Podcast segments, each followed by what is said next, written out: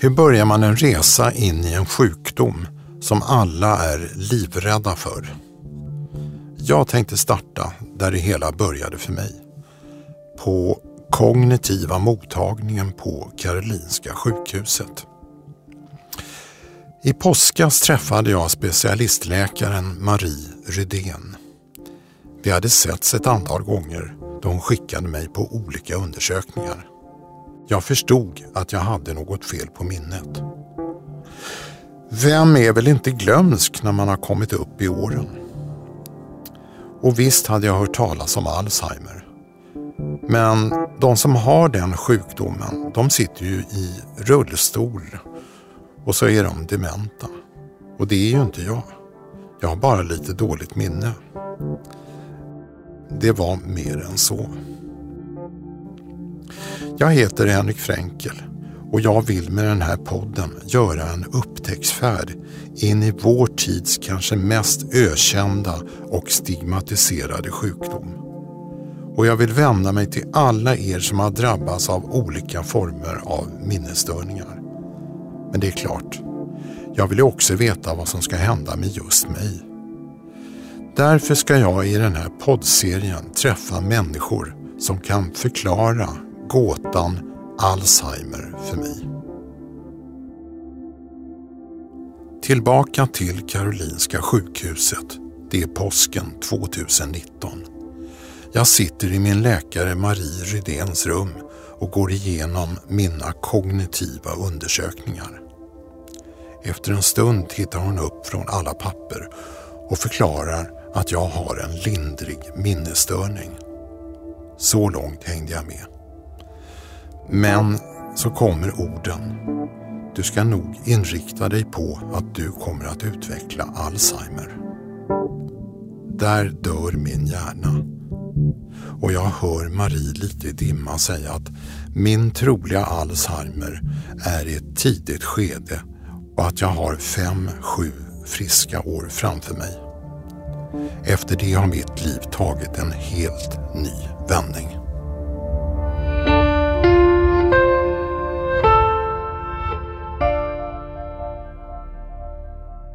Nu har jag min specialistläkare Marie Rydén med mig här i studion på Södermalm i Stockholm. Senast vi sågs var den 9 april i hennes rum på Karolinska sjukhuset. Välkommen Marie Rydén. Ja. Hej, det är kul att komma hit. Eh, känns det konstigt? Det känns lite konstigt att sitta i den här rollen. Hur? Men det är spännande också och viktigt. Ja. Eh, jag är ju din patient. Hur känns det att träffa mig just här? Eh, förra gången var ju på ditt sjukhus. Det känns bra att träffa dig så här också. Mm. Vi har ju ett problem och det är att du är bunden av läkarsekretess och du får inte avslöja vad som står i min läkarjournal, eller hur? Det stämmer. Det, vi är under sekretess. Men jag vet ju vad som står i den och jag har bestämt mig för att tala helt öppet om min diagnos. Så hur tycker du vi ska klara av det? Jag kan prata runt din diagnos och mm. prata om eh, de kognitiva sjukdomarna och kognitiv svikt. Mm. Vi får försöka kryssa oss fram här. Ja. ja. Eh, jag skriver sedan en tid tillbaka en blogg med samma namn som den här podcasten. Hjälp, jag har Alzheimer. Har du läst den? Jag har läst din blogg och jag tycker den är jätteintressant och det är jättebra att du har lyft frågan. Det är inte så många som är i din situation som gör det. Mm. Du tycker inte att jag lämnar ut er på avdelningen?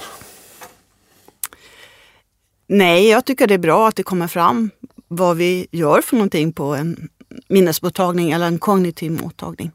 Kommer du ihåg den där dagen när jag fick min diagnos? Jag kommer ihåg den dagen men jag kan ju inte gå in på mm. den i detalj. Men det, jag träffar många i din situation mm.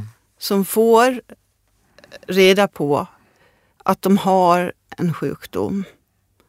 Och många reagerar skarpt. Eh, många får chock. många blir lättade på grund av att de har märkt att någonting har hänt och de får en diagnos, att de får någonting, att det är någonting, det de har misstänkt stämmer. Eh, hur tycker du att jag reagerade? Ja, du är journalist och du ställde många frågor tillbaka och det, det är bra. Många kanske blir tysta och det kommer senare om man vänder sig inåt. Mm. Eh, för mig var det en livsavgörande dag. Jag misstänker att det är det för många patienter som får en diagnos. Ja, det är livsavgörande. Det, det händer saker och ting. Eh, som jag sa tidigare, att många oh, jag fick ett namn på vad, vilka symptom jag har. Andra inte den diagnosen. Mm. Och man blir ledsen. Mm. Eh, vad tänker du om att utdela en diagnos? Nu, du får inte säga det, men jag får ju säga det. Och, och jag har då eh, lindrig minnesstörning och sen finns det en, en följd på det och det är trolig Alzheimer. Och då, hur är det att säga det till en patient? Efter att ha jobbat 20 år med det här så, så har jag väl utvecklat en strategi hur jag ska möta och jag har ju träffat personen i fråga eh, ofta på ett nybesök. Så jag mm. vet hur personen är och hur den reagerar när vi ställer frågor i nybesöket. Och vi har i teamet en rond där vi sitter, eh, de som har träffat den som är ut på utredning. Mm. Och då kan vi också diskutera. Eh, ibland tar jag med en kurator in på rummet därför att är, vi vet att det här kommer att vara mycket, mycket skört. Mm. Och, Men när vi träffades så fanns det inte en kurator. Nej. Vad tänker du om det? Eh, jag tänkte så här då, eller vi tänkte nog så att eh, det inte ska vara lika skört som det kan vara i många, många andra fall. Även om det är en väldigt, väldigt jobbig eh, diagnos att prata om och ge ut också. Om vi backar tillbaka. Du vet vem jag är, men vem är du? Vem är jag? Ja, jag är eh, läkare sedan många år tillbaka. Jag är gotländska, det hör ni säkert. Eh, men jag har bott i Stockholm längre tid och pratar gotländska fortfarande. Eh, jag är geriatriker. Har och vad är det? Geriatriker är en läkare som är utbildad på äldres sjukdomar. Eh, och i Stockholm så är det geriatriker som sköter minnesutredningar, demensutredningar. Mm. Och jag har arbetat inom demensbranschen kan man säga, på en mm. minnesmottagning i över 20 år. Först på Danderyds geriatrikens minnesmottagning och sista två åren på Karolinska Universitetssjukhuset. Och där har jag byggt upp, varit projektledare att bygga upp en ny kognitiv mottagning. Mm. Eh, vad är poängen med den? Det är att vi ska göra snabbare utredningar Eh, normalt tar en minnesutredning upp till 60 dagar, även längre. Eh, och det beroende på hur man handlägger remissen. För oftast kommer det en remiss från en husläkare eller från primärvården mm. som har gjort en grundutredning. Eh, och det vi gör är att hela teamet sitter och bedömer remisser när vi får in den. Varje morgon mm. sitter vi och så gör vi en vårdplan. Mm. Och på så sätt har vi kortat utredningstiden. Eh, idag, från och med nästa vecka, så gör vi det på fem dagar. Det som annars tar 60 dagar. Och vad är poängen för patienten att det tar fem dagar? Oftast har man väntat väldigt länge innan man överhuvudtaget söker, kanske till primärvården. Vad är det här? Och så I primärvården, så om man kommer tidigt, nej du har inget problem.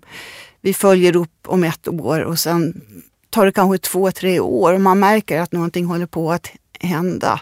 Och då har vi upplevt att det är bättre att det går snabbt, eh, blir utredd och att man får diagnos än att man kanske ska vänta två månader eller upp till nio månader. Det jag har varit med om, där det har varit patient med måttlig demens som har kommit ganska långt, där de behöver omhändertagande socialt och så.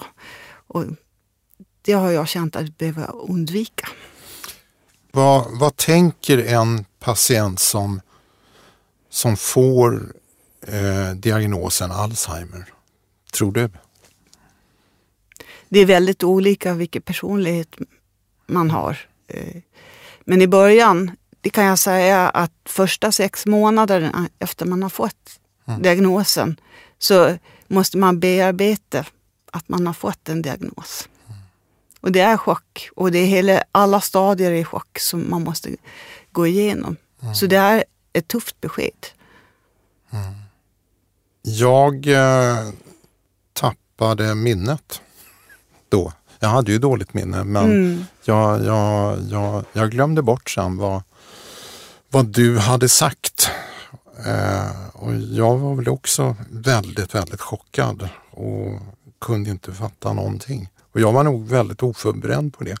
Mm. Eh, är det så att man, blir, att man alltid är oförberedd på ett sådant besked? Nej, jag nämnde det förut, det finns de som känner det innerst inne mm. att det, det, är någonting och för dem blir det en lättnad. Mm. Men alla reagerar inte så. Andra reagerar som du reagerar. Så det, det finns all, det är personligheterna som avgör hur mm. man reagerar. Mm. Och det är väl nackdelen kanske att, man, att vi ger diagnos på fredagar. Mm. Ni kanske ska tänka på det. Mm.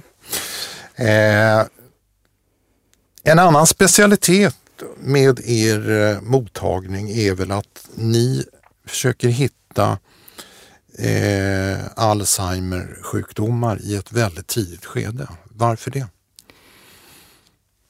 I framtiden. Så kommer det nya läkemedel. I, idag har man haft har man 200 olika kliniska studier, alltså försöka hitta nya läkemedel. Vi har sett de sista åren så har det varit mycket avslag eller man har lagt ner studierna på grund av att inte effekten på läkemedlen har varit tillräckligt bra. Mm. Eh, och man har sett att man måste gå in tidigt i sjukdomsutvecklingen för att kunna hjälpa någon. Man kan inte komma i sent stadium. Det, det är en sak som gör att vi vill komma tidigt. Ehm, jag jobbar ganska nära en av professorerna, Mia Kivipelto, som mm. sysslar med eh, fingerstudien. Mm. Där hon ser att eh, livsstilsförändringar som att eh, röra på sig mer tre gånger i veckan, mm. äta bra mat, medelhavsmat, eh, ha socialt umgänge eh, och utsätta sig för lite intellektuell utmaning mm. är bra. Mm. Gör man det också tidigt, både förebyggande, det är just i kognitiv sviktstadiet som man har sett bra resultat, så är det också viktigt att man går in tidigt. Mm. När börjar Alzheimer utvecklas hos en människa? Alzheimers sjukdom, eh, vi kan se förändringar i ryggvätskan 20 år innan man kan få symptom. Mm. Men det behöver inte betyda att man utvecklar Alzheimers sjukdom när man ser det. Men redan då har man sett i studier att det, man ser förändringar. Mm. Och vad, vad tycker du, alltså i dagens läge så finns det ju som du nämnde, eh, det har gjorts eh, 200 försök världen över för att ta fram någon form av vaccin eller medicin. Eh, samtliga försök har lagts ner och det har lagts, lagts ut många, många miljarder på det här. Idag finns det ingen bot. Vad är poängen med att få en tidig diagnos i så fall? Det finns ingen bot idag, men vi hoppas att det kommer snart. Och då måste professionen vara beredd att kunna möta upp. För den dagen det kommer läkemedel, om inte vi vet hur vi ska utreda tidigt, mm. då kommer det bli jobbigt. Det kommer bli jobbigt ändå. För det är många som kommer vilja söka för mm. sina problem. Och vem ska ha rätt att få läkemedlet? Vi måste lära oss. Mm. Och för den som är drabbad också, för att kunna... Jag resonerar alltid, har man, märker man att man har minnesproblem eller andra kognitiva problem mm. så ska man få reda på vad beror det på. För mig är det viktigt att man får en diagnos tidigt. Eh, så att man inte går och undrar varför reagerar jag som jag gör. Mm. Många på vår mottagning får något som heter subjektiv kognitiv svikt. De upplever själva att det är minnesproblem, mm. men det beror på andra saker. Det kan vara depression, det kan vara utmattning, det kan vara neuropsykiatrisk sjukdom. Mm. Så vad är vanliga symptom för, en, för minnesstörningar? För sjukliga minnes, minnesstörningar? Ja. Minnessjukdomar eller kognitiva sjukdomar som jag börjar säga idag. Minnet är ett av symptomen, eller en domän. Mm. Och den är vanligast vid Alzheimers sjukdom. Mm. Men det finns andra domäner som man kan få eh, problem med. Och det är språket, att man tappar ord. Mm. Eh, det kan vara lokalsinnet, att man får svårare att hitta. Först kan det börja med att man har svårt att hitta om man reser utomlands när man ska hitta till hotellrummet. Mm. Det kan vara att man tappar initiativ eh, exekutivt. Vissa har svårare att känna igen ansikten. Det kommer oftast lite senare. Mm. Ansikten och föremål. Eh, det kan också vara att man får lindrigare depression och nedstämdhet mm. i sjukdomen. Mm. Det här är ju, tror jag, många som känner igen sig i de här symptomen. Mm. Eh, redan när man har fyllt 50 så mm. finns det nog. Hur skiljer man en sjuklig minnesstörning mot vanlig glömska? Det, det, som händer när man blir lite äldre är oftast att man tappar namn, namn på personer. Mm. Och det börjar vid 50-årsåldern. Mm. Det kan också att man blir lite långsammare i tanke till handling. Mm. Om man ser på minnet så är det det jag kallar för dagboksminnet eller på fint språk prodromalt minne. Vad hände igår? Vad la jag mina eh, nycklar för fyra timmar sedan? Mm. I förrgår, vad bestämde vi då? Det är mm. den typen av minne som kan bli påverkat. Det som är också att försöka hålla många bollar i luften. Det är svårare att ha multitaska. Mm. När tycker du, de som lyssnar på det här, när tycker du att man ska söka till en minnesmottagning? Först ska man gå till sin distriktsläkare till primärvården om mm. man är orolig. Och man, för att vi ska kunna sätta en diagnos mm. måste, om man ser vid Alzheimers sjukdom, att, är, att man har sett symptom minst sex månader mm. och att det har blivit lite förvärrat under den tiden. Det är en av kriterierna som, som finns. Så att om primärvården skickar en remiss till oss och det, man säger att det bara gått en vecka som man fick de här symptomen. Då tar vi inte emot. Mm. Och det primärvården också gör det är att man gör en datortomografi av hjärnan. Men det är mer för att utesluta andra saker som en hjärntumör eller att man har vattenskalle eller eh, några andra saker som kan påverka minnet. Mm. Eh, eh och man tar blodprover. Har man lågt blodvärde eller högt blodsocker eller att sköldkörteln inte fungerar så måste man behandla sådana saker först. Mm. Och man gör kognitiva tester, minnestester. Mm. När man ser problem just med minnet, då säger vi att det är amnesi eller minnesproblem. Mm. Och det, Eh, har man problem att komma kom ihåg på det sättet i de olika testerna så stämmer det ju med att man har en minnessvikt. Mm. Sen, sen eh, tittade vi också på min röntgen och då såg man en begynnande atrofi. Vad är det för något? Atrofi, det betyder att hjärn, det är färre hjärnceller. Mm. Och det betyder att det är en förtvining av... av... Ja, att hjärnan inte har... Ja, det är djupare dalar och smalare berg i hjärnvindlingarna kan man säga. Så att... Och vad, vad gör det då? Vad...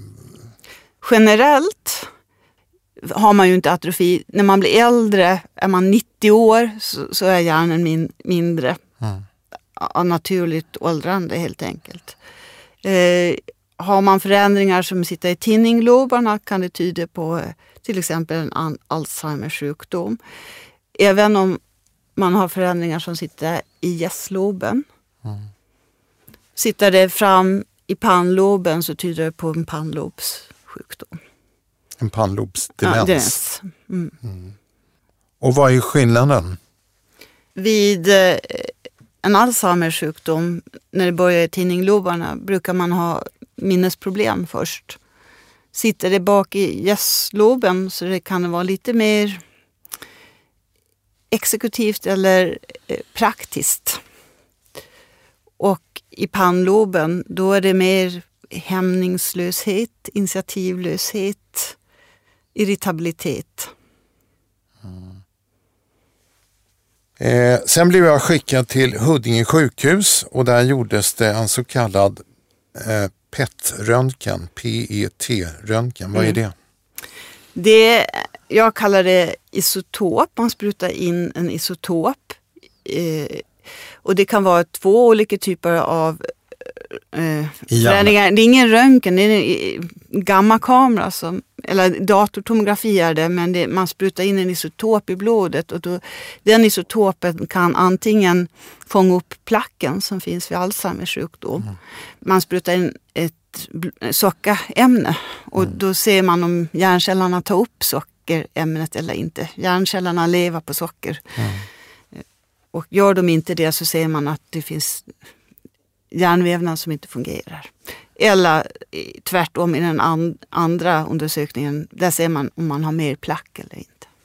Då kan jag avslöja att i mitt fall så visade det sig att jag inte hade plack. Och då tänkte jag så här att ja vad skönt, då har jag inte Alzheimer. Men eh, då visade det sig att eh, jag fick då diagnosen atypisk Alzheimer. Vad är det?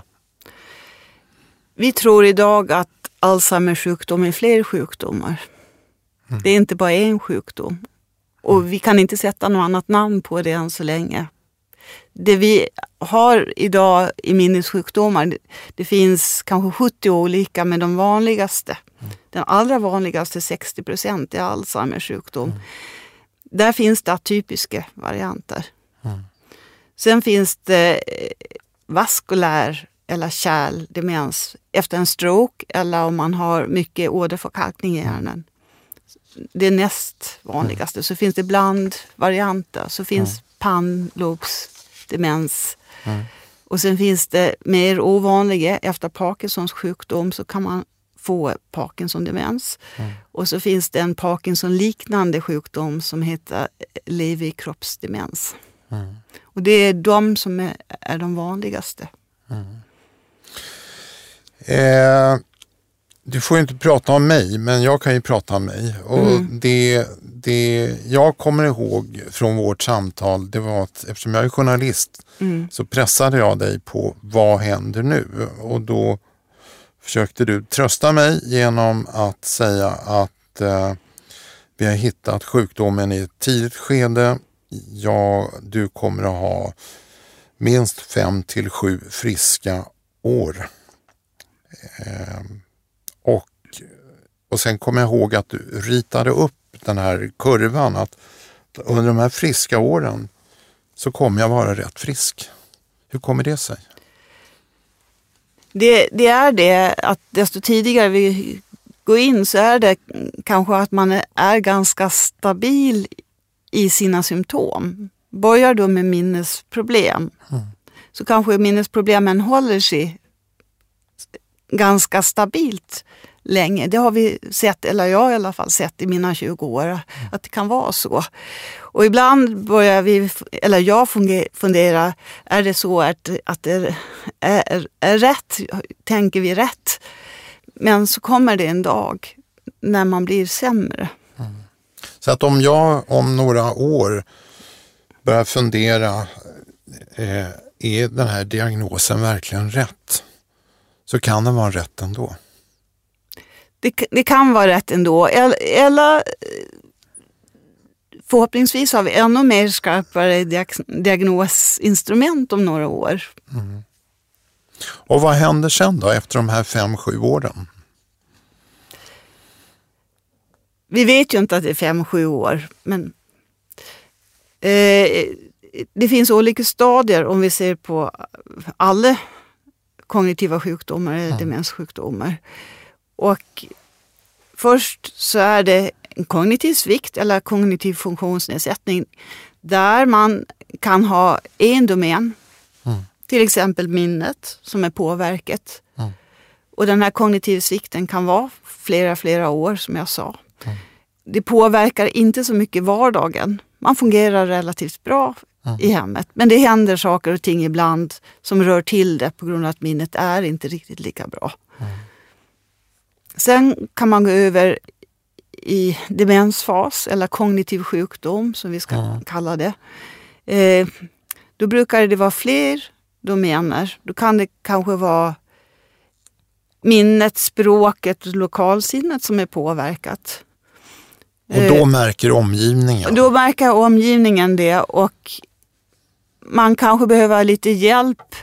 Vi kallar någonting som heter instrumentell ADL. Det är att kunna betala räkningar, eh, gå ut och handla, eh, klara av mobiltelefon, klara av dator. Att man behöver mer stöd och hjälp med den typen av eh, instrument helt enkelt. Det är egentligen fas 1? Det är fas 1. Och fas 2? Ja.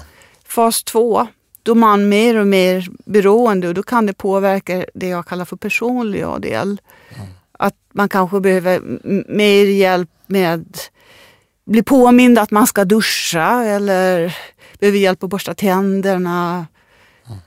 Man klarar sig relativt bra men man behöver mycket mer stöd och hjälp av andra. Och fas 3? Fas 3 det är svår kognitiv sjukdom. Och, det man eh, kallar för demens? Det är svår demens, ja. Och då är man helt beroende av någon annan ska jag säga. När du sitter och berättar det här för mig, vad, vad tänker du? Jag kan ju komma att utveckla det här. Det jag tänker att jag vill hjälpa till och göra så bra som möjligt på vägen och jag vill också försöka hitta lösningar mm. så att man slipper komma i den situationen. Mm. När man får en Alzheimer-diagnos, eh, någon form av Alzheimer-diagnos, eh, vad tycker du att man ska göra med sitt liv?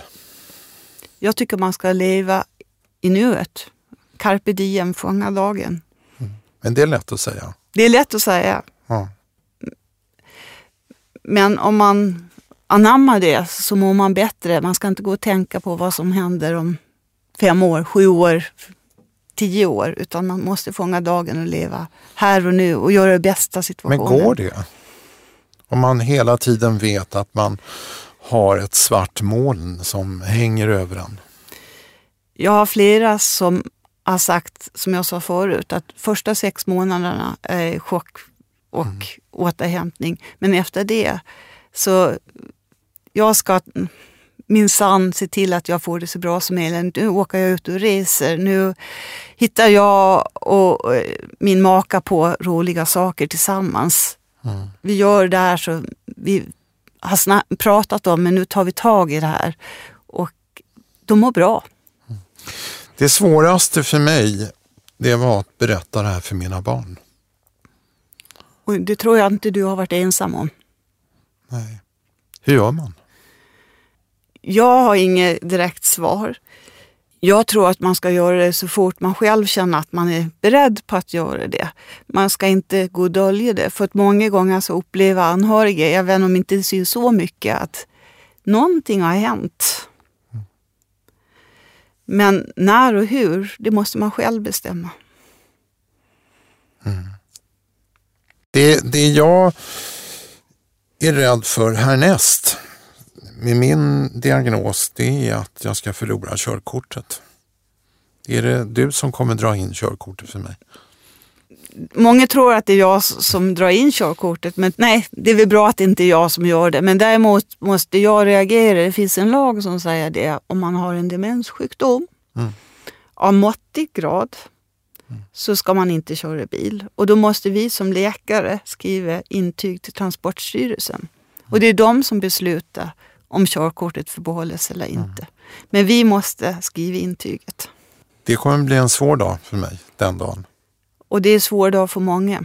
Det är en av de svåraste. Därför det begränsar min frihet. Ja, och det jag brukar säga, den dagen den kommer, det jag kan hjälpa till, det kan kännas jobbigt, men det är färdtjänst. Att man mm. kan åka taxi. Mm.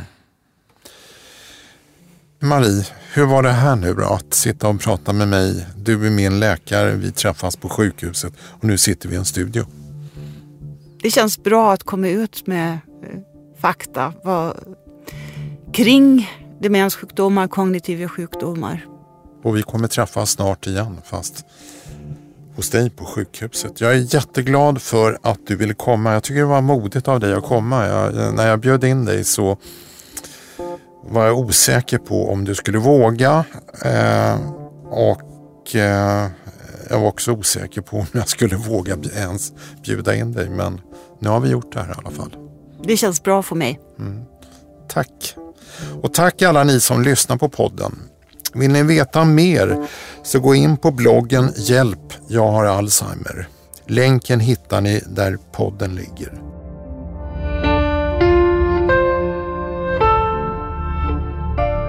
Bloggen och podcasten Hjälp jag har Alzheimer har också en insamling till förmån för forskning kring kognitiva sjukdomar.